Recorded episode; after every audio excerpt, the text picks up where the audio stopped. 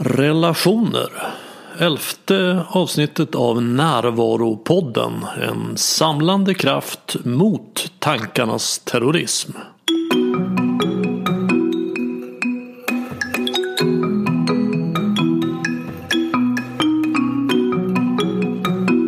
Det här är Bengt Renander och först vill jag puffa för en föreläsning om Sintra som jag håller den 3 maj vid 18.30.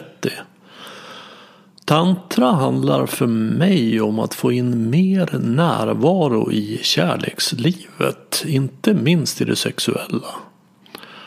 Och observera att det är en föreläsning och inte en workshop. Så vi gör inga övningar och alla kläder är på hela kvällen. Avsikten med föreläsningen är att glänta på dörren till ett väldigt stort och fascinerande rum som inte så många har besökt. Och tantra anknyter sannerligen till dagens tema som är relationer. Idag träffar jag Mikael Larsen som har den mycket uppskattade bloggen separation.se. Jag har följt honom där och jag tycker att han skriver personligt, insiktsfullt och klokt om relationer och om separationer. Och han har också skrivit boken Skiljas utan att förlora sig själv. Jag uppskattade verkligen vårt möte där vi pratade om olika sätt att få en varm och härlig relation. Vi är också båda intresserade av vad självförtroende är och hur man kan få det. Och Mikael har också intresserat sig för narcissister i förhållanden och vi berör också det. Ja, utan vidare dröjsmål, här kommer Mikael Larsen.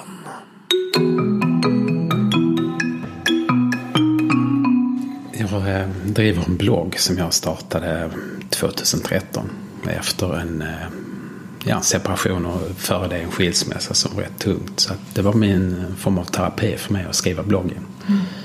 Och eh, sen jobbar jag med klienter, par, enskilda. Och inriktar mig främst på folk som har genomgått eller genomgår en separation. Och sen gäller par att försöka hitta tillbaka till varandra.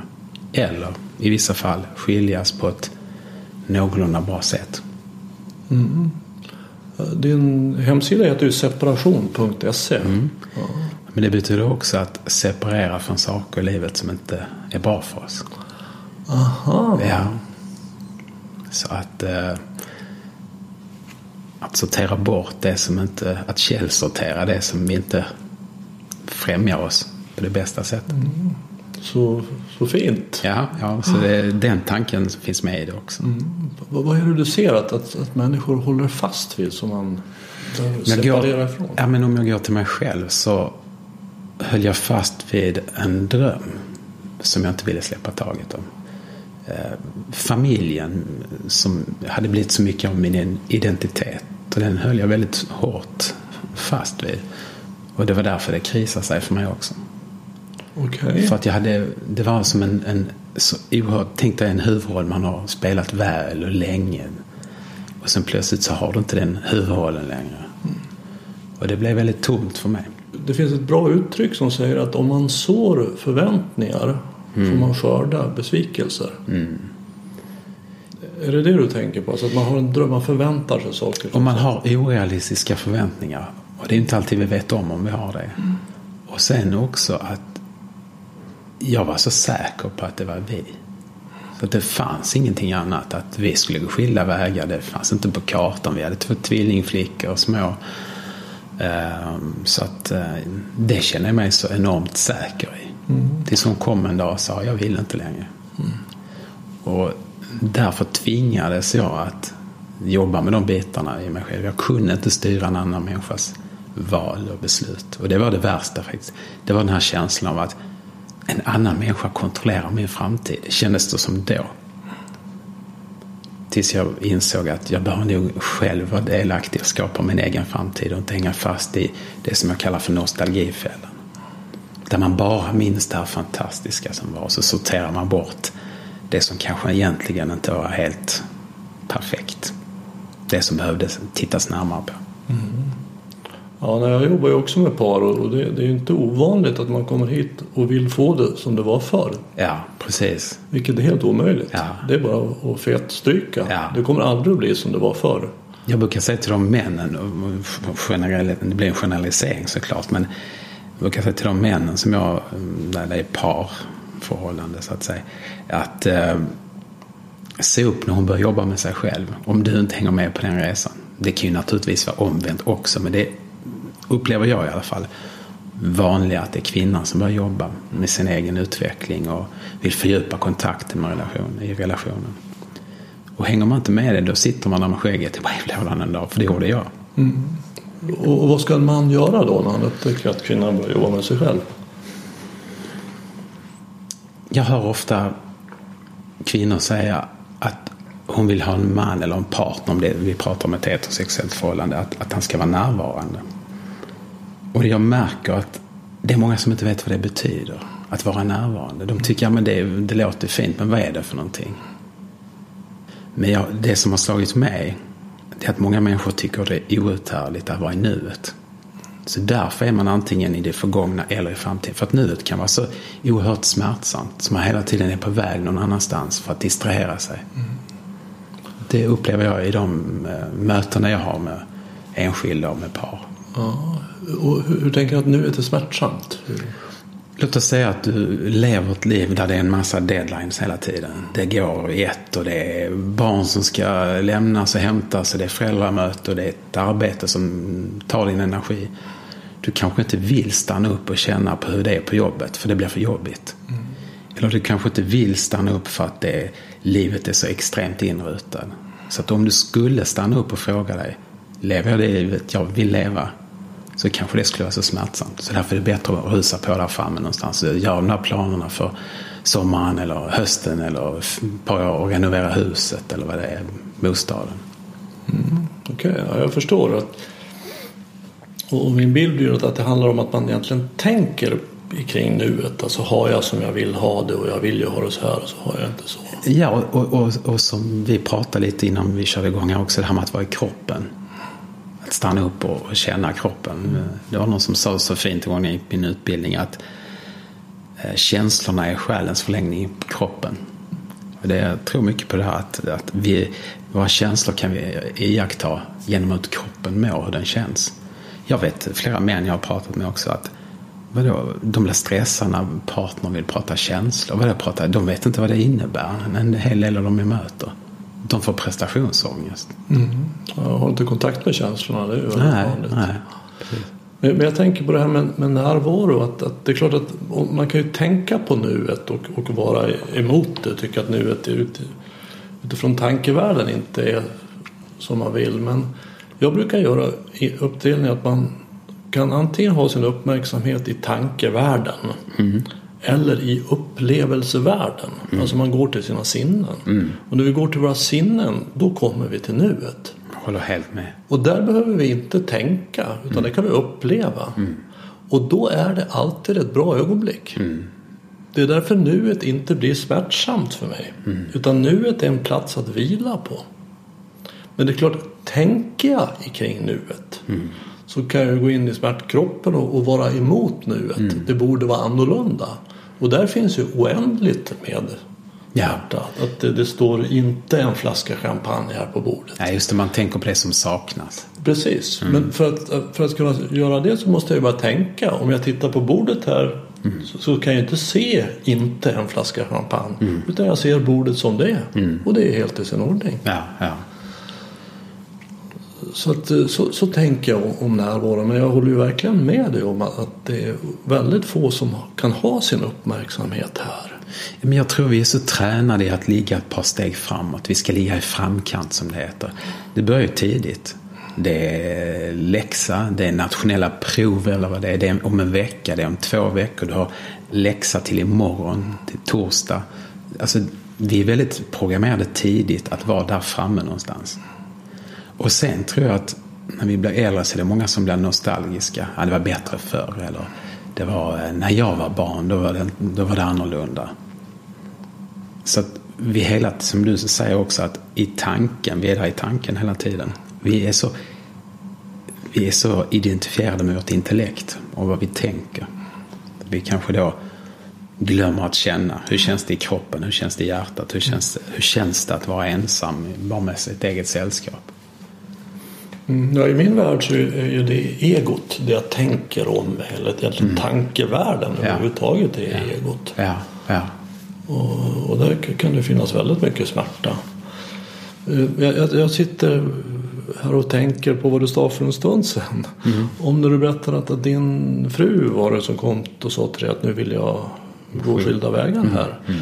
Det där är ju inte helt ovanligt att det kommer kvinnor säger att nu vill jag skiljas och mannen säger att vad då skiljas? Visst var det så bra? Precis. Nej, vi, vi har det ju inte bra, säger hon. Vi har inte haft det bra på tio år. Och då säger han, varför har du inte sagt något? Mm. Och hon säger, ja, vi har ju inte gjort annat. Ja, ja just det. Och han hade tagit in det. Ja. För jag har, jag har ibland det här med att jag har ju skickat signaler. Ja, hintat. Ja, och, och sen har, har det varit ett, en växling då mellan signaler och starka utropstecken. Att det här funkar inte. Det här måste vi ändra. Men det jag har hört, jag, det här har jag hört från båda sidorna. Jag hade en man som berättade för mig att ja, men min fru sa ju bara för en vecka sedan att hon älskade mig. Hur kan hon idag, en vecka senare, vilja gå skilda vägar?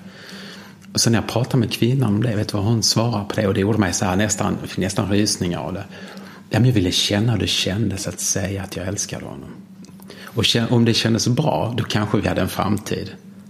Men det kändes inte bra att säga det. Mm. Så att han har hakat upp sig då på, men hon sa för en vecka sedan. Mm. Medan hon, hon sökte efter en känsla i sig själv. Mm. Och det, var, det blev lite så här, wow, det är så det kan vara. Men då tolkar han det som ett svek. Mm. Eh, helt olika världar. Ja, verkligen. Mm. Hur, var det för dig då? Vad, vad, hade, hade du fått signaler som du inte hade tagit in? Eller? Jag hade fått signaler när jag tittar tillbaka. Men vi hade, vi hade ju två små flickor, tvillingar. Livet bara rusade på. Vet du. Det gick snabbt allting. Och, och jag, idag hade jag sett det på ett helt annat sätt. Idag hade jag nog, just det, det här behöver vi jobba med. Det här behöver jag tänka på. Det här ska jag, behöver jag korrigera i mitt eget beteende. Men då var det, det handlade väldigt mycket om att överleva så att säga. Att eh, orka genom de sömnlösa nätterna. Mm. Det var... och, det här var 2003? Ja. Mm. Och, och, och sen gick du in i en ny relation? Ja. Mm. Och så kraschade det. Ja. Och vad hände där då? Där tror jag det handlar väldigt mycket om att vi ville väldigt olika saker. Väldigt olika grundvärderingar. Mm. Jag hade kommit till det här tillståndet i mig själv av, av att vara den här kvinnan var väldigt mycket att göra. Och där blev det ett klapp. Mm. Att, att, som jag uppfattade att man värderas utifrån vad man presterade. Medan jag hade på något sätt att ja, men jag vill kunna vara den jag är bara. Mm. Och, och vara fin med det. Mm. Och det, det, vi har pratat lite tidigare i poddar om maskulin och feminin energi. Att ja, där ja. Var, var du den som tog den feminina energin. Det skulle man kunna säga. känna och vara. Och ja, skulle man absolut kunna säga. Mm. Och det, det, det, är ju helt i sin ordning. Alltså, ja. Både män och kvinnor behöver ju både man, maskulin och feminin Absolut. Det tror jag är ett väldigt viktigt eh, verktyg att ha med sig. Just den tanken på maskulin, feminin energi. Det handlar inte om manligt och kvinnligt. Mm. Det vet ju du också mm. såklart. Men jag, jag, jag tänker ofta på det också. Mm. Uh, att, att ha balansen mellan de två lägena i sig själv. Mm. Jag brukar likna det vid att andas ut och andas in. Mm. Vi behöver både fylla på och agera ut, så att säga, att göra. Men vi behöver också bara andas in och samla på och vara mellan andetagen mm. och så göra. Mm. Alltså ni var, ni var olika. Ja. ja. ja. Och det tycker jag är någonting som jag, jag brukar börja när jag börjar jobba med par. Så att det, en relation handlar mycket om att vad gör vi med det faktum att vi är olika? Mm, precis. Låtsas vi vara lika eller anklagar vi varandra för att vi är olika? Eller mm. Hur hanterar vi våra olikheter? Ja. Eller kan vi se det så att vi, kan vi, att vi kompletterar varandra? Att det blir någonting större? Men titta till exempel mina föräldrar som har varit gifta mer än 50 och de är extremt olika. Så de, de har ju verkligen de ger ju varandra. Är, det, ett, det är ett växelspel som jag ser mycket tydligare nu än vad jag gjorde för, länge, för ett tag sedan. Mm. Så, så de här olikheterna kan ju faktiskt vara ett fantastiskt komplement. Men ibland kan det också bli så olika på, på ett negativt sätt så att det inte går att fortsätta. Nej, jag brukar tänka att den värsta mardröm jag skulle kunna ha det är att, att vakna upp på morgonen i sängen, titta till höger så ser jag mig själv ligga där. Säger, God morgon Bengt och så ska vi upp och äta frukost och så har vi gått. Mm. Otroligt trist Mm. jämfört med då som heterosexuell man att vakna upp med en kvinna som är annorlunda, olika i väldigt många sätt. Ja. Så levande och spännande. Jag, jag tänker ofta det här på, på glädje och skratt. Att det är väldigt närvarande i det. När man kan le, skratta tillsammans. Ja, det, det tycker jag verkligen är en, en kvalitet när man kommer till Alltså när man kommer till närvaro och kommer till sig själv. För jag menar att när, när jag är helt och hållet närvarande så är jag helt och hållet mig själv. Ja. Och då kommer vi till de här kvaliteterna som är frid, sinnesro, visdom, kreativitet, humor Absolut. Humorn är... och att kunna skratta åt sitt ego. Så det är att ha självdistans. Att jag är i självet och har distans till mitt ego. Jag tar inte mitt ego så allvarligt. Ja. Mina tankar så allvarligt. Jag minns när jag gick min utbildning, då var jag väldigt seriös. Börjat jobba med sig själv och de här eh, personliga spirituella verktygen man hade. Att jag, nu när jag tittar tillbaka, oj vad jag blev tungseriös i det där. Jag hade velat ha lite mer tillgång till det lättsamma. Men så tänker jag igen, det var en fas det. Och det är okej. Jag tror vi generellt sett behöver bli bättre på att inte döma oss själva så hårt. För när vi, när vi släpper taget, för det är precis som du sa här också, det här med egot. Egot vill alltid ha rätt. Vill alltid hävda sig. Alltid få godkännande av andra människor. Och när, när vi hamnar i det bruset av egot som hela tiden står och knackar på dörren och drar med naglarna på dörren. Då blir vi, känner vi oss otillräckliga. Absolut. Du, du, använder det ord som jag sk- skulle säga är nyckelordet för att få den här skatten. För det är ju en skatt naturligtvis att få kont- kontakt med sinnesro, frid, visdom, kreativitet, humor. Eh, Den, men den finns här inne i alla människor och, och likt i sagan så, så för att få tillgång till skatten i sagan så ska man säga Sesam öppna dig. Då öppnas dörren och får man den fantastiska skatten som finns gömd inne i berget. Ja. Men för att få tillgång till den skatten som finns gömd inne i oss alla så behöver vi säga det ord du sa, nämligen okej. Ja. Överlämnande tänker jag på. Surrender på engelska. Och, och det är det, okej. Ja. Det, finns ju, en, jag vet inte om du känner till Krishnamurti? Som, Jo, jo. Ja, han höll ju mycket föreläsningar och han, han sa ju vid en sån föreläsning så sa han Do you want to know my ja, Det var ju därför de var där. Då sa han Well, my secret is that I don't mind what happens.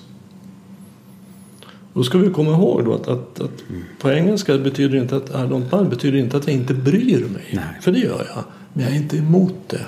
Alltså okej. Alltså acceptans, surrender. Jag är med det som är istället för att vara emot det. När du säger det så börjar jag tänka på, på vad de sociala medierna gör med oss. Eh, Att vi kan få snabb bekräftelse. Vi kan eh, ha åsikter. Men att vara i sin sanning, att vara närvarande, det är ju motsatsen egentligen. För det, i de sociala medierna, där söker vi hela tiden godkännande, bekräftelse. Man har gjort undersökningar att när, när vi får ett visst antal likes, då ökar dopaminhalterna i hjärnan. Men när vi inte får den bekräftelse som jag önskar, då dippar vi. Då slår det depressiva på. Oj, jag inte, det blev inte så bra. Så skriver vi någonting nytt och så blir vi ännu mer dramatiska för att få, kanske få likes på det. Och det är också någonting som jag tänker på som kan beröva oss närvaron. När jag var på väg hit här, lite kallt i luften, men klarblå himmel. Jag bara stannade upp och bara kände, wow, det är en bra dag att leva. Och det, för mig har det betytt jättemycket. Jag vet inte hur det är för dig, Bengt, men eh, att påminna sig om allt man har som man är tacksam över. Eh, när Jag tänkte på mina döttrar. Jag tänkte på min sambo.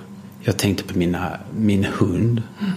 Jag tänkte på mina föräldrar lever fortfarande och är friska. Alltså, det finns väldigt mycket egentligen där och, apropå skatter. Absolut. Och, och jag har kommit upp i den åldern så att jag, tänker, jag är väldigt tacksam över att jag själv är frisk också. Ja, det tänker jag också när jag vaknar på Att jag morgonen. kan stå. Att jag kan gå. Jag gör en ritual varje morgon där jag tackar för det jag är tacksam över. Bara för att påminna mig om det. För det tar ju också en till verkligheten. För att allt det där man är upprörd över är ju sånt som inte finns. Ja. Alltså jag är upprörd över att jag inte har det där, att det inte var så där, att det inte ska bli så där. Ja. Så hela mitt drama är ju egentligen baserat på sånt som inte är. Och när jag går till tacksamhet och gör en, gör en tacksamhetslista, jag kan skriva ner allt jag är tacksam över. Så kommer jag att upptäcka att allt som står där finns i verkligheten. Det är väldigt bra resonemang tycker jag. Och, och det här med närvaro handlar ju för mig väldigt mycket om att leva i verkligheten. På riktigt. Precis, för att eh, som allting kan ju missbrukas. Jag hörde någon som... eh, jag vet inte varför jag tar detta som ett exempel. Det var ett, en man och kvinna som var ute och satt på, på en bänk. Och han var väldigt mån om att man skulle vara närvarande. Och så blev hon stucken av en geting. Och, eh, och, och, och blir ledsen för det. Men då är han i sitt meditativa, så han, han, han bara säger släpp det. Så att han har ju ingen, han har ju förlorat sin empati för han vill vara i sin, i min närvaro. Men konsten tror jag handlar om att vara i vår närvaro också.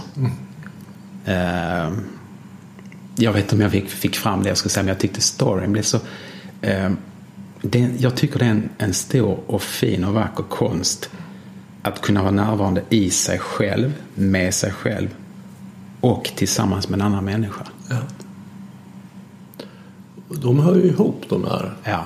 Jag, tänker på, jag såg en serieteckning som jag tror illustrerar samma sak som du är ute efter. Det var en, en pappa som satt och mediterade och så var det barn som lekte. Tyst barn! Jag, ska, Ja. jag tränar min närvaro. Ja, ja, just det. Att det, Så har jag varit lite tror jag. jag är rädd för att jag varit så perioder. ja, det har säkert jag också. Ja. Men Att kunna ha ett öga inåt, ett öga utåt. Mm. Och när man har det så upptäcker man att det inte är så stor skillnad där. Mm. För det som är i mig finns där ute. Och det som är ute finns också i mig. ja. Så de hör ihop. Jag tänker att det skulle vara ett ämne i skolorna. Det här med närvaro och, och lära barn och ungdomar. Vad betyder det att vara här och nu med varandra? För att om man, om man är närvarande då ser man ju också en annan människa. Och då kan man känna med den människan och då vill du inte skada. Då blir det, det blir ju vad heter, antibiotika mot att skada. Absolut. Och, och det är också när, när vi får den kontakten som vi får i närvaro så är vi inte längre ute efter någonting. Utan vi är här och upplever. Ja. Det är inte det att jag vill ha någonting av dig och eller förbjuda dig att göra saker. Jag är här. Ja. Det blir ju en känsla av att smälta ihop på något sätt. ja, det är det. Nu vill inte jag bli alltför eh, andlig eller flummig men för att jag är ju det, min, mitt sökande går mot vad som händer i verkligheten men, men det är en upplevelse som jag verkligen har. Och det går fort om man träffar en människa som är närvarande. Tjong! Och det, jag såg, eh, oavsett vad man tycker om politiker och politik, det är inte det jag är ute efter. Men det var någon som hade, en journalist som hade träffat eh, Bill Clinton när han var president.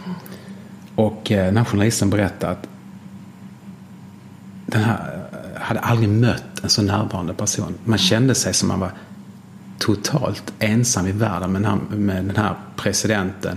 Ingenting annat existerade. Så kom det en annan, och det var vicepresident som kommer förbi. Ah, och då, då berättade han, då direkt kände jag mig som att jag inte existerade. För det var, han, han var i bruset. Medan Clinton i det här fallet var här och nu, fullständigt närvarande. Och då säger den här journalisten att det var som att jag var den enda människan som existerade för honom i den stunden. Jag hörde, jag vet inte om det här är sant, men att när Bill Clinton var i Stockholm så bodde han på Grand Hotel. Okej. Och de fick ta ut honom bakvägen på Grand Hotel. För att om han gick framvägen så, så var hans närvaro och karisma så stark så han plockade upp de kvinnor som satt där. Eh, direkt. Alltså närvaro har en enorm attraktionskraft. Ja, men det har det. Enorm. Eh, det märker jag på, på människor man möter. Det är ju det är en stark naturkraft. Och, och, jag undrar om inte det är den största sorgen som jag träffar på i alla fall när jag jobbar med par hos kvinnan. Att hon inte känner sig sedd. Ja. Det, det är din erfarenhet. min erfarenhet definitivt. Och, men jag märker också hur allt för många män svarar men vadå sedd? Jag ser dig varje dag. Mm. Precis. Jag eh, går till jobbet och tar in pengar och jag eh, lagar faktiskt mat emellanåt. Och jag, alltså, men då är man åter inriktad på vad jag gör. Mm. Alltså, man är inriktad i sin maskulina energi som handlar om att tänka och göra. Ja, ja. Alltså, jag håller på att göra här och tänker på vad som ska göra. Ja.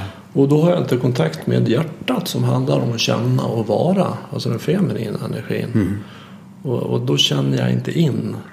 Och där tror jag många män blir rädda när de hör feminin energi. Då tänker de, vadå feminin energi? Ska jag vara feminin? Ska jag vara någon myskille här nere i plysch? Tänker hon, har jag mött. Mm. Men jag ska säga det är väldigt manligt att vara närvarande. Absolut. Maskulint. Alltså en, en riktigt, riktigt manlig man mm. har ju ganska mycket feminin energi. Mm. Så har kontakt med sitt hjärta, sin värme. Ja, precis. Och i det, då lyssnar man och ser andra människor också. Mm, absolut, och tar in. Ja. Och där, där märker jag i de, när jag har par konsultationer att när mannen inte förstår vad närvaro är, när han bara så avfärdar det som någonting hokus pokus eller vad det är för någonting. Då, då ser jag att då är uppbrottet inte så långt borta. Om man inte vill mötas i, i, i det och ta reda på vad betyder det för mig. Nej, jag, jag, det, det, är inte ovanligt att det kommer män hit och säger att ja, min fru hon det tjej, hon vill inte ha sex. Hon verkar inte så intresserad. Och mm -hmm. Bara blir på fredagar och det är liksom någonting som bara görs. Så hon det verkar inte tycka det är så kul. Och då frågar jag alltid, ser du henne? Mm. Och då säger vi, vad, vad då menar du? Och då är det så att det verkar rulla upp bakifrån vad som händer. Ja, ja. Vad är det de upptäcker då? Ja, alltså att, att för, att för, för det feminina är så, alltså, om man uttrycker poetiskt, jag tycker det är vackert, så kan man säga att det feminina är kärlekens källa. Mm. Och det maskulina uppmärksamhetens ljus. Så om det maskulina riktar uppmärksamhetens ljus på det feminina så kan man nästan höra hur brunnslocket åker av. Mm, mm. Ifrån kärlekens källa. Och det bara börjar flöda av kärlek. Vilket är det naturliga för det feminina. Mm. Alltså, många kvinnor som är singel, alltså, det är klart att det är sorgligt och tråkigt att inte få kärlek. Men det kanske största sorgen är att inte få ge. Mm. Att inte få flöda. Jag måste skaffa hund eller krukväxt eller häst. Ja, något. Jag något måste få. att fokusera, ja. rikta kärleken. Det tyckte jag var det värsta där mina förhållanden tagit slut. Det är just att, att känna att den här energin, var ska jag rikta den nu? Jag har mina barn, men det, det har jag alltid. Den energin finns där hela tiden till dem. Den kärleken. Men just den romantiska, att få rikta det åt ett håll och få agera på det. Det tyckte jag var fruktansvärt tomt att inte ha. Att få ge av det. Mm. Jag tänker lite det som en... Eh, där man var liten ibland så brukade jag ta förstoringsglas och så riktade man den på några torra löv och så ville man att det skulle börja ryka lite. Mm. Men då var man tvungen att hålla det fokuserat på ett ställe en liten mm. stund. Men det vi gör det är att vi har någon sekund där och så någon sekund där med förstoringsglaset. Det hinner aldrig ta sig.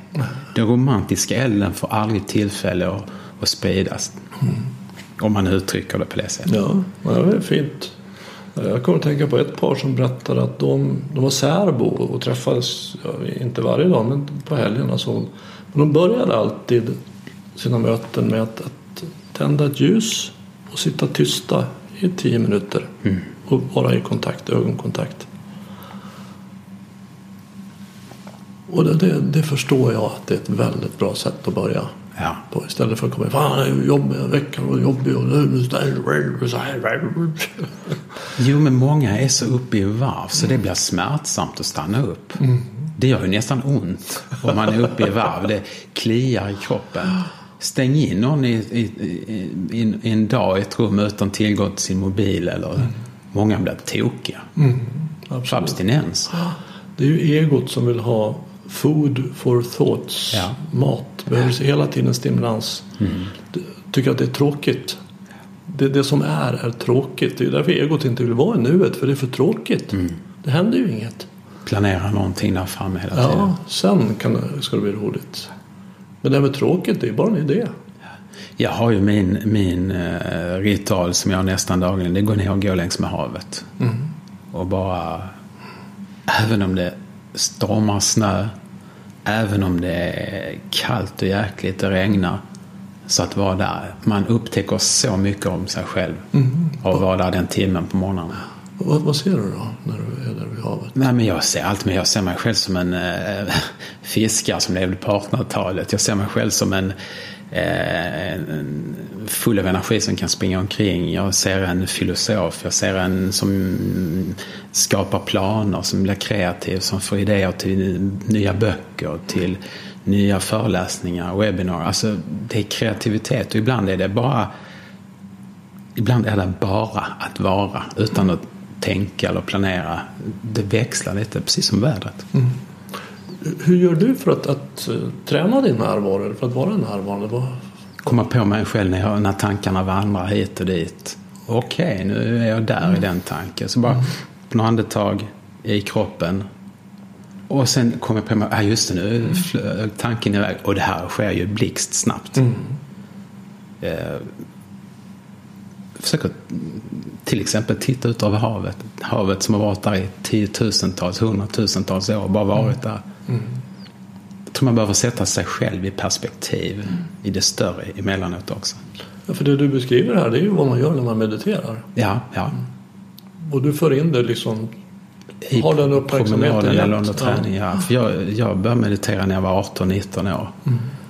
Då hade jag en eh, en mentor kan man säga. Så att, som introducerade mig till meditation. Så det har, för mig har det varit A och O. Mm. Sen har det varit perioder när jag har inte varit där. Men jag har alltid haft det någonstans här bak i, i ryggsäcken och kan plocka fram det. Mm. Mm, ja, det är intressant. Eh, men närvaro, det är ett enormt ämne. Jag, jag brukar tänka på närvaro som tillämpad kärlek. Mm. Det är en väldigt bra liknelse tycker jag. Alltså hur, hur, visar vi kärlek för någon? Det är inte köpa blommor, choklad. Eh, mm. Utan det är att vara närvarande. Vi har inget vackrare att ge till någon människa än det. Och det finns ingenting som är så vackert att få som en annan människas fulla uppmärksamhet. Mm. Mm. Det är så otroligt värdefullt. Och vi har liksom tillgång till det hela tiden men vi är så snåla med det. Det finns en, en känslomässig snålhet i det. Att vi, vi tror att om vi ger för mycket så töms vårt konto, mm. vårt känslokonto. Och sen är min upplevelse också att, att, när vi är närvarande tillsammans så blir det så starkt så fort. Så egot blir livrädd. Mm. Vad, vad det som händer. För jag har ju inte kontroll på vad som händer när jag är närvarande med en annan människa. Men sen, sen när man har vant sig så ser man att det finns inget att vara rädd för. Jag tänker nu när, man, när jag sitter här, när vi pratar till exempel. Vad, vad det är för närvaro i det. Mm. Att, att, att, ha tillgång både till, till vad som sker här uppe i huvudet, mm. vad som sker i hjärtat. Um, och när man är stilla och tar några djupa andetag så kommer det väldigt mycket till en i stunden. Mm. Som man inte riktigt kan planera för det finns inget färdigt manus här. Det bara kommer i mötet. Mm. Ja, det är ju någonting intressant om man bara inser att, att det jag säger nu och mina tankar är någonting som kommer till mig. Det är inte någonting som jag egentligen skapar. Mm. Utan jag är mer vittne till det som kommer. Jag har till exempel ingen aning om hur den här meningen kommer att sluta. Mm. Vi, vi, får se. Ja, ja, vi får se det. jag, jag vet lika lite om det som du vet. Ja, ja. Förmodligen så slutar den nu. Ja. Okej. Okay. Var kom det här ifrån? Hur formas orden? Hur går det till när det är neurona, hjärnan går i stämbanden tillsammans med andningen formar de här orden? Mm. Jag har ingen aning. Jag tänkte det när jag satt på, på flyget eh, från Skåne upp här till Stockholm för att möta dig då. Att den här klumpen innanför det här kraniet här, hjärnan. att tittar du ytligt på det så är det ett stycke, stycke kött. Hur kan ett stycke kött minnas saker som har hänt långt tillbaka i livet? Känna en känsla. Det satt en eh, man bredvid mig. Han var tvungen, innan mm, planet taxade ut, så han tvungen att gå av. Han fick panikångest. Han satt bredvid mig. Uh, hade jag vetat att det var det han var på väg så hade jag faktiskt pratat med honom. Men det gick blixtsnabbt att han skulle gå av. Men så tänkte jag att tänk över våra fantasier om saker. Vad det kickar igång. Mm. Vår rädsla eller vad det nu är. Vår föreställning av den. Vår tolkning av en situation. I hans värld tolkades ju att jag är instängd i något plåt här som ska upp i luften. Det ger mig panik. Så det är hur vi tolkar situationen som avgör vad som ska hända. Vilken respons hjärnan skickar ut till kroppen, stresshormoner. Eller mm. om vi blir avslappnade till exempel. Ja, för det var ju i storleksordningen 100 000 år sedan som den här apan som vi är mm. fick förmågan att kunna tänka. Mm.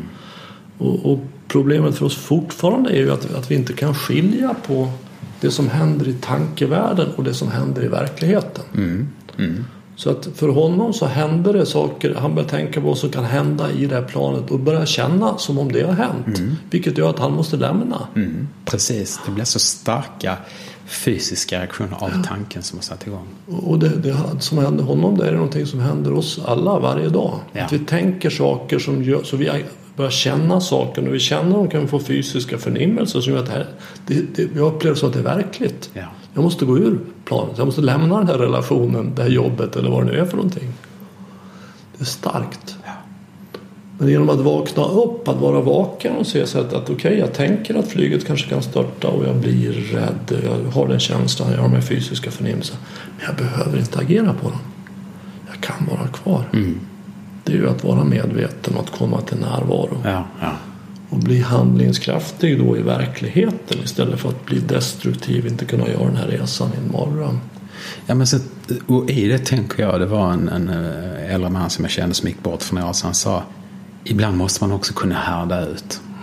Mm. Och jag har alltid tyckt att det är lite fyrkantigt, låter lite hårt. Men i vissa fall handlar det faktiskt om att härda ut känslan. För ofta så lägger det sig. Mm. Om vi härdar, men bör vi fly?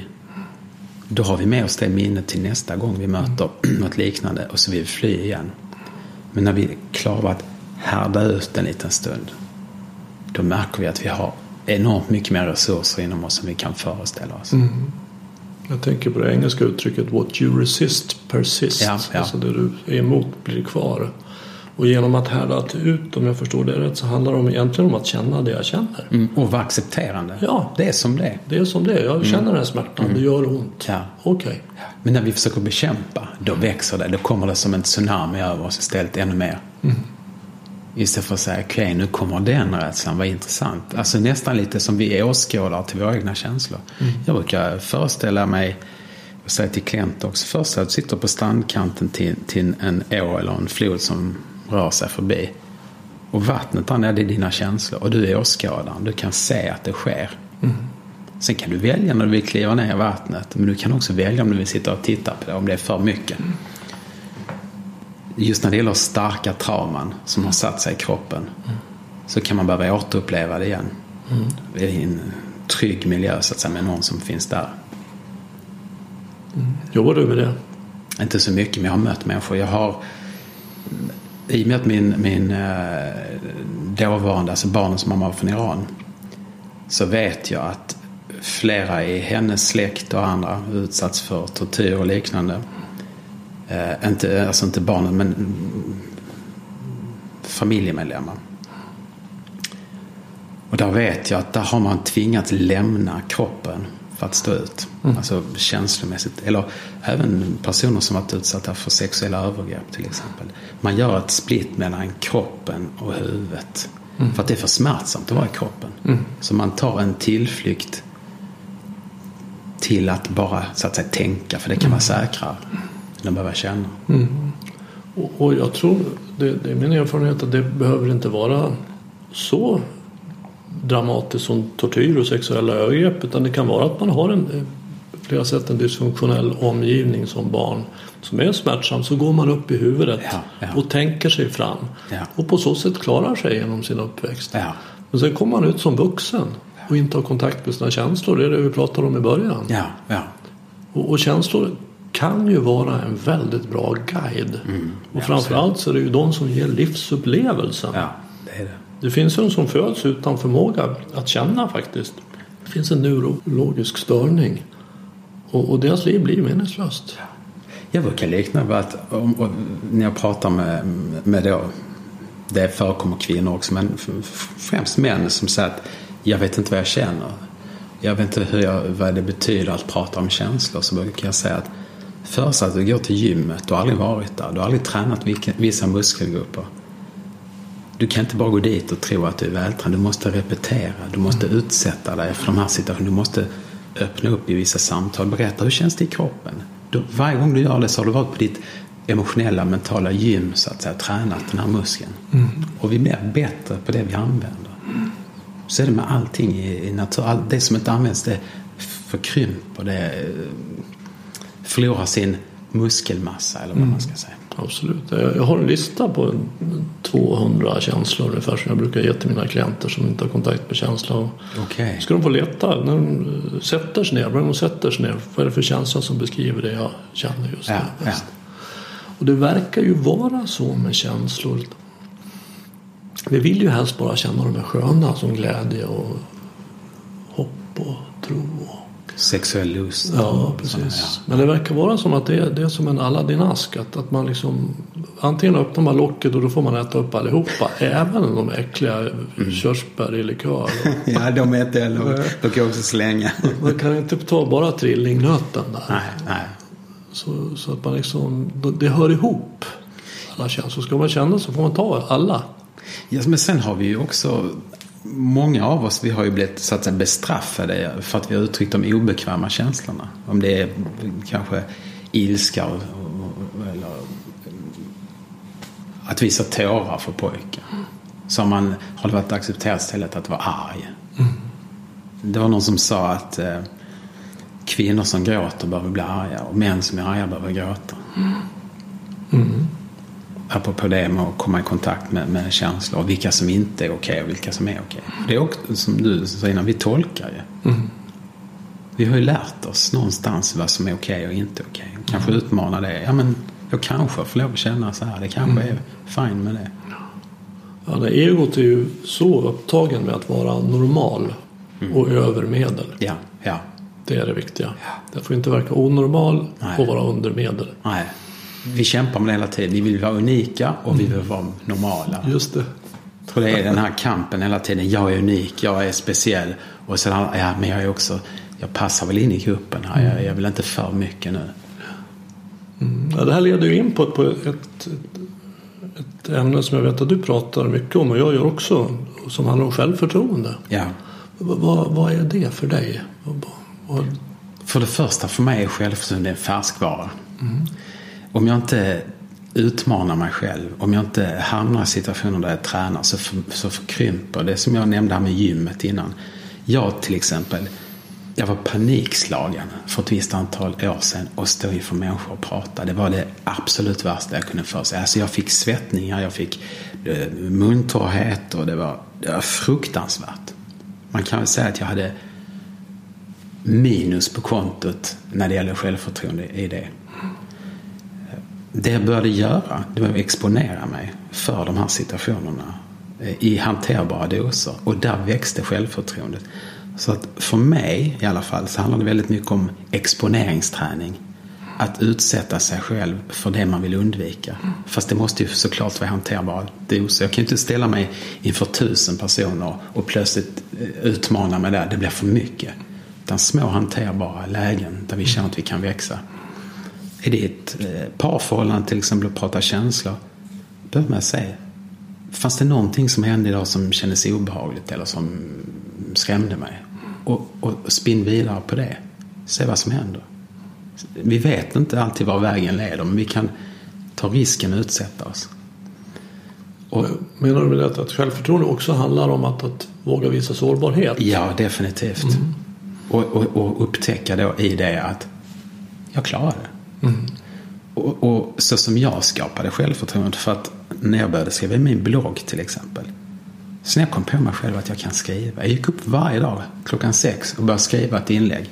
Så märkte jag att ah, det här känns rätt bra, jag kan faktiskt skriva. Så att för mig blev det att vanans makt gav mig självförtroende. Mm. Istället för att hamna i vanmakt. Mm. Så att genom att skaffa sig, göra saker som, jag brukar säga så när jag håller mina webbinar. Gör någonting varje dag, hur litet den verkar vara, som gör att du kan känna dig stolt när du lägger huvudet på kvällen på kudden och ska somna. Det kan vara att du läste en saga för barnen. Det kan vara att du gick ut och gick en promenad fast du egentligen bara vill sitta kvar framför datorn. Mm. Det kan vara att du sa till en kollega som, som någonting som du har känt har varit fel under lång och utmanade det. Mm. Och sa, vet du vad, det där känns inte bra. Det du sa till mig förra veckan, det du gjorde. Till exempel. Mm. Jag har, har två saker. Det ena är att det handlar om att utmana sina rädslor. Ja, ja. Att inte låta rädslan vara den bestämmande faktorn. Mm. Utan att jag gör som jag själv vill. Ja, ja. Och, och det andra är då att, att göra någonting Ja, det är väl egentligen det. Att göra vad jag själv vill. Alltså någonting som kommer från en plats i mig som, som, som, som vill dela med sig. Som är mer eh, ja, generös eller klok. Att en del av mig, jag vill kanske sitta framför datorn och Facebook-surfa eller vad det nu är. Men det finns en annan del som vill gå ut. Ego är ju jag på latin. Mm. Mm. Så att det är ju egot, att, att jag gör som jag själv vill istället för egot vill. Och, i min kartbild så är ju självet den är när jag är helt närvarande. Ja, ja, ja. Och egot är den som är när jag håller på och tänker. Ja. Och självförtroende är ju då att jag har förtroende för att, att den bästa versionen av mig, det är den jag är när jag är helt närvarande. Ja. Så att om jag går på en dejt så, så behöver jag inte planera vad jag ska säga, Nej. vad jag ska berätta och vad i förväg ha en massa strategier. Utan jag går dit och bara sätter mig och är där. Mm. Det är det bästa jag kan vara. Det är att ha För det självförtroende. närvaro är sexigt om jag får uttrycka mig. Mm. Det, det, det, är något, det är sensuellt. Det är, det är häftigt med närvaro. Ja, för, för det är en person som har självförtroende. Den har förtroende för att den bästa jag är, är, är den jag är när jag är närvarande. Ja, och i det så tänker jag så här också att, att, man är, att det är okej med de rädslorna jag har. Är jag rädd när jag går på dejten? Är jag nervös? Är jag så, okej, då är jag det. Absolut. Försök inte så att säga trycka ner det i, i, i kofferten som är alldeles överpackad redan. Utan jag bara, ja, så här ser det ut. Eh, jag, jag gillar han den här Alan de Botton. Eh, jag tror han är belgare från början. Eh, filosof som pratar att när vi går på dejter, eftersom vi kom in på det. Så har vi en sån besatthet av att visa våra bästa sidor. och Hur, hur fantastiskt, det ligger i vår natur att vi vill vara omtyckta och älskade. Och, och, Över medel normala. Ja, ja precis. Där igen. Men, men då säger han så här, att börja våga prata om våra rädslor. Om vår sårbarhet, om vår utsatthet, om våra neuroser, om vad det nu är för någonting. Mm. Okej, man kanske inte lägga upp allt det på bordet på, på en första dejt. Men det kan bli lite konstigt. Men att våga beröra. En person gör det så är det upplevs att det är en person som har bra självförtroende. Absolut. Som vågar visa det. Ja, och sen tror jag självförtroende handlar väldigt mycket om också att veta att vi har resurser inom oss. Jag skulle till exempel aldrig ha självförtroende genom att vara dirigent i en symfoni. För jag kan inte det, så jag ger mig inte in i det. Jag går inte in och dirigerar den där eh, orkestern. Så att det gäller att välja sina områden också. Sen betyder inte att man inte kan lära sig någonting nytt. Men det handlar väl också om att veta att ja, men det här är jag bra på, det gör jag. Mm. jag skulle aldrig eh, vara med i ett program där jag skulle sjunga till exempel. För jag kan inte sjunga på det sättet. Jag kan sjunga för mig själv, fine, men jag står inte och sjunger inför publik. Så att jag väljer det som jag vet att det här hanterar jag, det här är bra på. När jag var 11 år så tyckte mina föräldrar att jag skulle vara med i himlaspelet i Leksand i kören där. Så jag fick gå till en präst och sjunga upp. Oh, det där har jag gjort också. Mm, Ja, mm, och, och prästen sa det att, att du får inte vara med i kören. okej. För att jag, jag kunde inte sjunga. Okej, då fick jag veta det. Jag var inte så ledsen över det. Det var framförallt mina föräldrar som ville ha med mig i kören.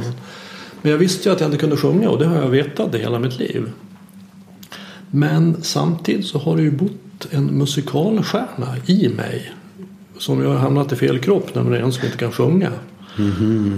Men för en fem år sedan någonting så var jag och tittade. Jag, gick på improvisationsteater och, och tittade på en klasskompis som var med i en kör som heter musikal, Stockholms musikalkör. Och jag satt i publiken. Jag kunde de där låtarna och de, de sjöng där. Och jag kände att jag ska ju stå där på scenen. Ja, ja, ja okej. Så jag utmanade verkligen min rädsla och gick och sjöng upp då för dirigenten där. Och eh, fick vara med.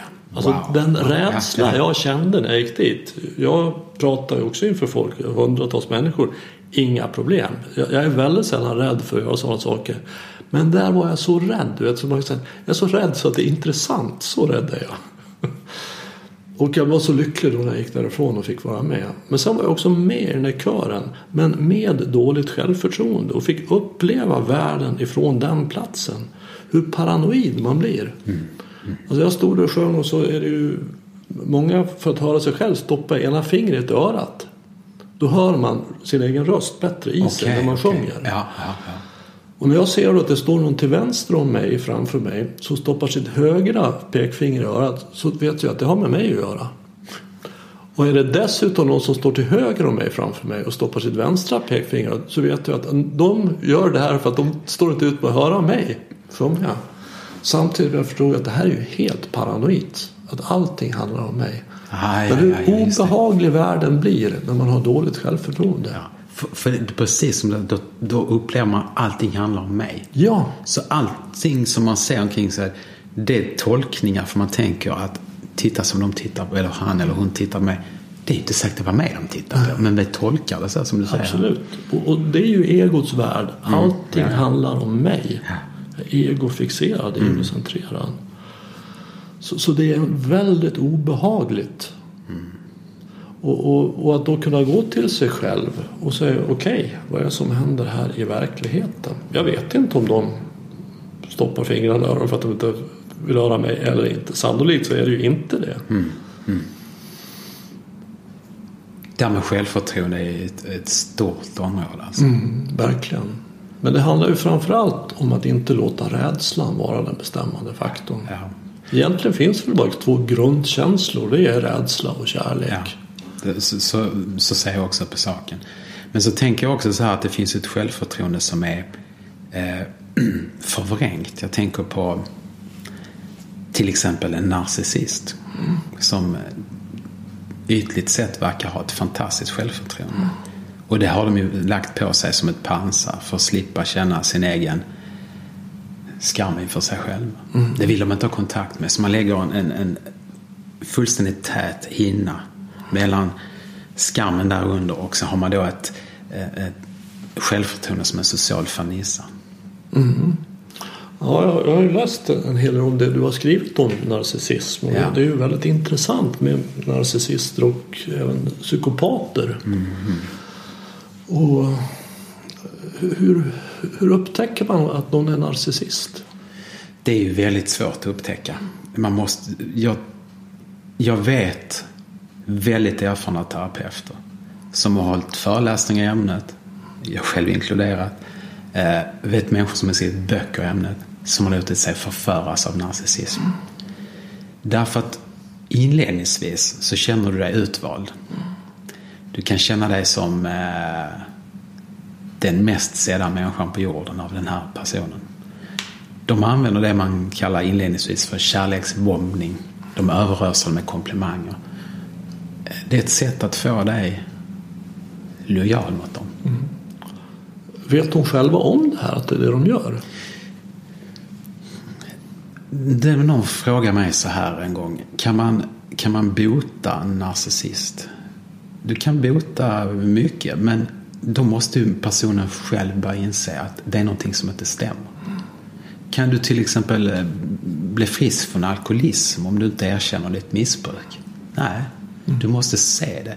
Och det är väldigt ovanligt att en narcissist skulle säga jag har nog en personlighetsstörning. Det gäller ju här att skilja på narcissistisk personlighetsstörning och narcissistiska drag. För narcissistiska drag har vi alla i olika grader. Men just när det gäller det patologiska Ja, du ska ju först ha en insikt att det är någonting som måste förändras och vilja gå till, till en terapeut till exempel. För att kunna förändra. Ungefär hur många, hur stor andel av befolkningen är narcissister? Det är väldigt svårt att säga. Jag kan inte säga men jag vet i USA har man pratat om 4-5 procent av befolkningen. Okay. Det är ganska många. Mm. Sen tyvärr så lever vi i ett samhälle, i en värld som skapar narcissister. Vi har en perfekt jordmån, de sociala medierna. Vi kan få snabb bekräftelse. Det finns datingappar, det finns det är en fantastisk arena. Så har du en tendens i din personlighet redan så är det väldigt lätt att nära den idag. Mm. Ja, jag måste erkänna att när jag startade den här podden så googlade jag på narcissism och läste på lite närmare för jag tänkte Alltså här ska jag alltså sitta och prata med människor, spela in det och, och, och sända ut det i, i tron på att andra vill lyssna på det. Ja, ja, ja. Alltså, ja. Det, det, är, det, är det här friskt? det, vet du vad det intressanta är? jag, också fråga, jag, jag, får ofta frågan, jag vet inte om det är så du tänkte, men jag brukar, jag brukar få frågan så här av vissa människor. Tänk om jag är narcissist? Grejen är att en narcissist ställer inte sig själv den frågan. Nej. Det finns inte den reflektionen. Tänk om jag är. Det är ett tecken på att man är frisk. Att man, mm. tänk om jag har detta i mig själv. Mm, mm. Ja, tack då. Lättare. Jag läste du skrev om, om narcissisten träffar ofta en annan personlighetstyp som du kallar för empat. Mm, mm. Mm. Kan du säga lite mer om det samspelet? En person som inte har tillgång till exempel till empati. Om du tar en psykopat eller en narcissist. En narcissist har en stark empatistörning så vill de gärna ha människor med empati omkring för då kan de kopiera de känslorna. De kan eh, studera, de kan eh, göra piratkopior av det beteendet helt enkelt. Sen betyder inte att de känner detta, men de, de kan skapa en bild av att de också är empatiska. En narcissist är extremt inkännande, de är ofta väldigt intuitiva. Men att vara inkännande är inte samma som att vara medkännande. Man känner in för att man söker information. Man, man eh, samlar så att säga, på sig grejer så att man kan gagna sin egen resa om jag säger så. Eh, och sen så söker man då detta och så använder man det för, för sin egna syfte. Mm. Det låter som att man drar in det i huvudet snarare än i hjärtat. Ja, ja, ja, ja. absolut. Mm. Hjärtat gör för ont.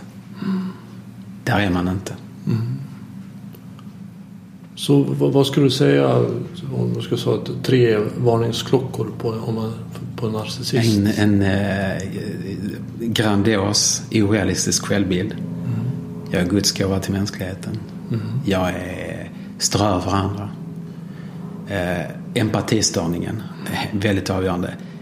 Eh, ständigt bekräftelsebehov, ständigt sökande efter ny bekräftelse. Konstant på jakt efter någon där ute som ska ge dig näring. Och det ska de ska ha det bästa av allt. De ska ha bästa läkaren, bästa skolan till barnen, bästa advokaten. Allting ska vara det bästa. Och jag brukar säga så här, bara för att man vill ha det så betyder det inte att man är narcissist. Mm. Men det är det sammantagna. Mm. Just empatisten och den orealistiska självbilden. Mm. Som är så att säga, jag strövar allting. Vi har en klockren narcissist som exempel i USAs president. Mm. Och det, det, är ingenting man ens behöver spekulera i. Tänk om att det är baktal, tänk om det, men så är det bara. Mm.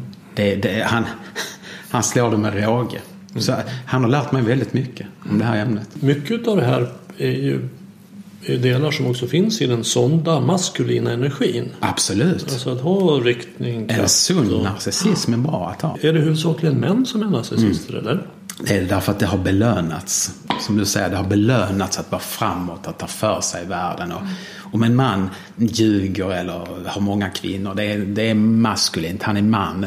Om en kvinna, om vi tar igen, om du tittar på presidentvalkampanjen som var i USA innan Trump blev president. Kan du tänka dig om Hillary Clinton hade betett sig som Donald Trump? Hon hade inte haft en chans. Hon hade inte kommit någonstans. Mm. Grab men by their balls. Ja, ja, exakt. Då hade hon, varit, hon hade varit så körd. Men Trump kom undan för han var man. Uh-huh. Och där är det, det ligger långt tillbaka i tiden. Titta på alla psykopatiska härskare i världen genom historien. Mm. Men Mm. Väldigt få psykopatiska, narcissistiska kvinnor som mm. varit ledare. Vad är skillnaden mellan en psykopat och en narcissist? En narcissist vill stå i, i rampljuset. Mm. De vill ha allt ljus på mig. En, en, det kan en psykopat också vilja, men en psykopat kan verka i det tysta. Ofta eh, är det också graden av empatistörning. Alltså en, en, eh, en, eller en psykopat har ingen empati. En, en narcissist kan ha en viss grad, men det handlar framförallt av att vilja synas. Mm. Narcissisten vill synas. Och omittlig bekräftelse. En psykopat behöver inte vara ute efter bekräftelse eller mm. synas. Så där skillnaden ligger. Och det är personlighetsstörningar mellan två. Mm. Eh, träffar du ofta på någon i, i ditt arbete? Nej, de söker sig inte Nej. till. Jag har, jag, jag, har, jag har stött på det några gånger. Men då kommer de av strategiska skäl tillsammans med partnern. Mm. För att de vill behålla partnern. Mm. Och då ser det bra ut att ha varit i terapi. Mm. Eller manipulera mig så att jag ska tala om för dem att du är bra medan din partner nu har tittat koll. Så kan de få ett kvitto på det. Hur hanterar du det då? gränser. Alltså det handlar väldigt och sen inte gå in och visa sig tveksam även om det skulle vara det. Att inte visa dem det. Mm. Det använder de direkt. Är du minsta velig så blir du bestraffad för det. Mm. Är du, blir, visar du känslomässigt utsatt så utnyttjar de det till max. Det är rätt obehagligt för vi vill ju kunna vara sårbara, vi vill kunna vara öppna. Men jag brukar säga, välj vem du är det inför. Mm. Vem, väljer var i vilka situationer, vem du öppnar hjärtat för. För det här med närvaro, för mig handlar det om kärlek och rädsla pratar men det handlar också väldigt mycket kärlek och gränser. Ehm, jag vet att både du och jag har en bakgrund inom psykosyntes och Assad Jolly pratar om de olika viljorna. Vi pratar om den starka viljan som är riktning framåt. Sen har vi den ehm, vad ska man säga, skickligt använda viljan. Den som gör att vi kan navigera och ta oss fram. Men vi behöver också den goda viljan. Den kärleksfulla viljan.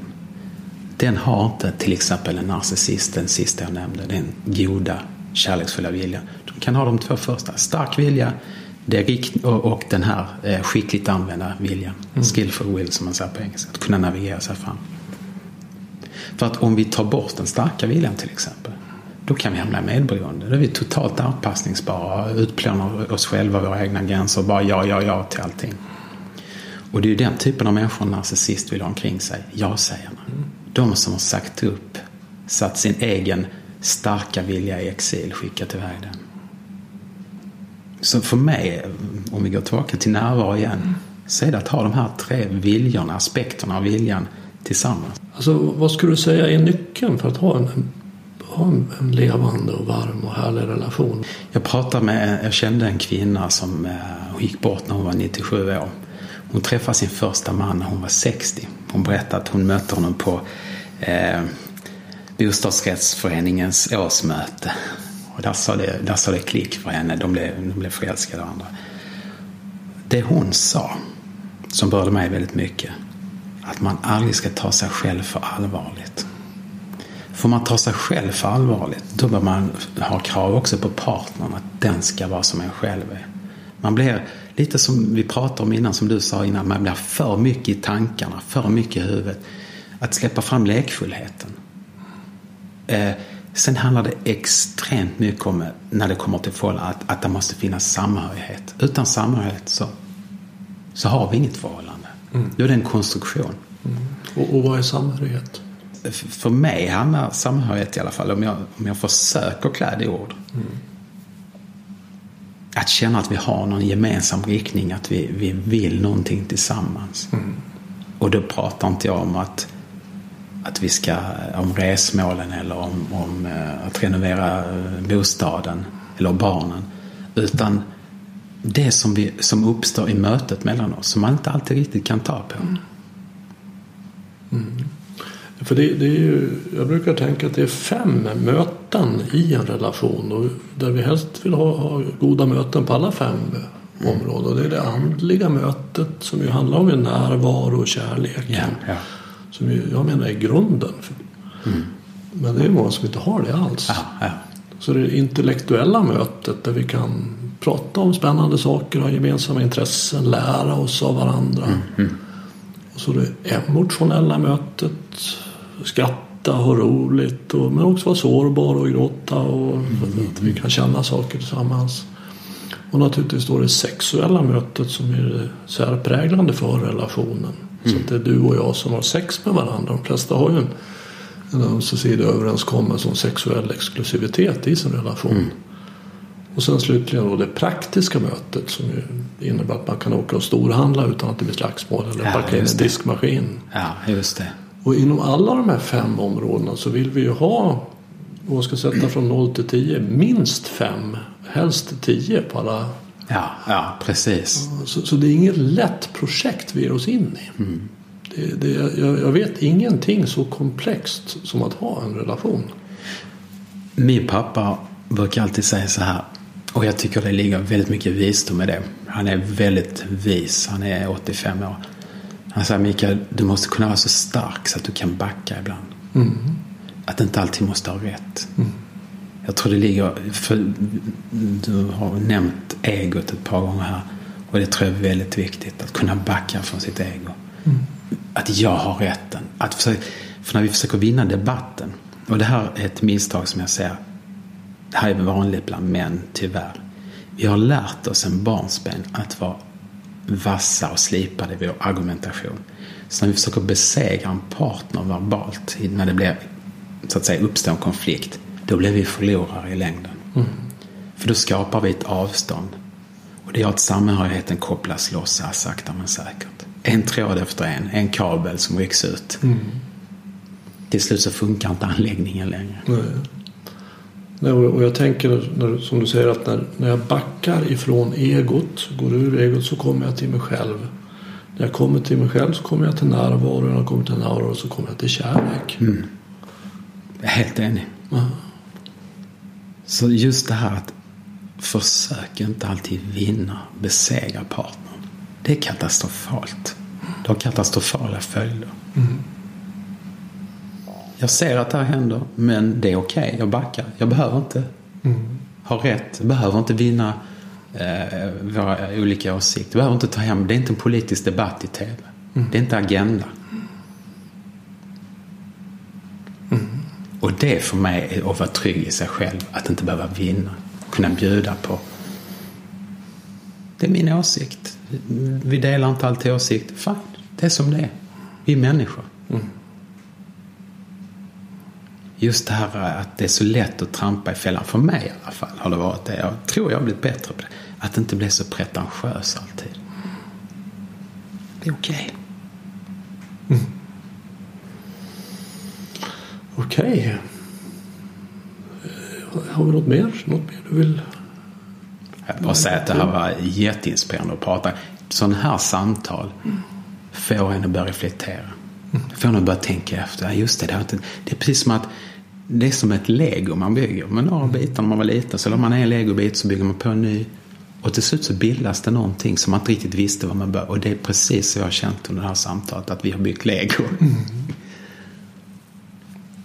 Ja, Många nya tankar som har kommit till mig eh, inser att jag brukar likna själen eller psyket vid, vid en katedral. Ju högre i tak desto bättre.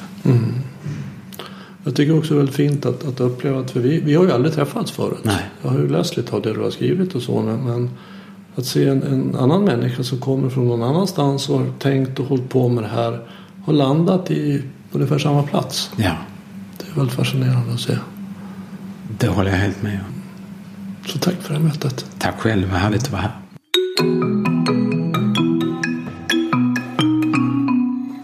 Vill du komma i kontakt med Mikael så finns länkar till hans hemsida och mejladress på min hemsida renander.nu. Där finns också en länk till en plats där du kan köpa hans bok Skiljas utan att förlora sig själv. Att göra den här podden är ett sätt för mig att bidra till kampen mot tankarnas terrorism. Ingen terrorism skördar fler offer än just den. Vill du stödja podden så gör det genom att tipsa om att den finns till vänner och bekanta och gå gärna in på iTunes och betygsätt och skriv kommentarer. Vet du någon som arbetar med att stödja andras närvaro som du tycker borde vara med här så tveka inte att kontakta mig. Enklast gör du det via kontaktformuläret på min hemsida renander.nu. På återhörande och du var uppmärksam.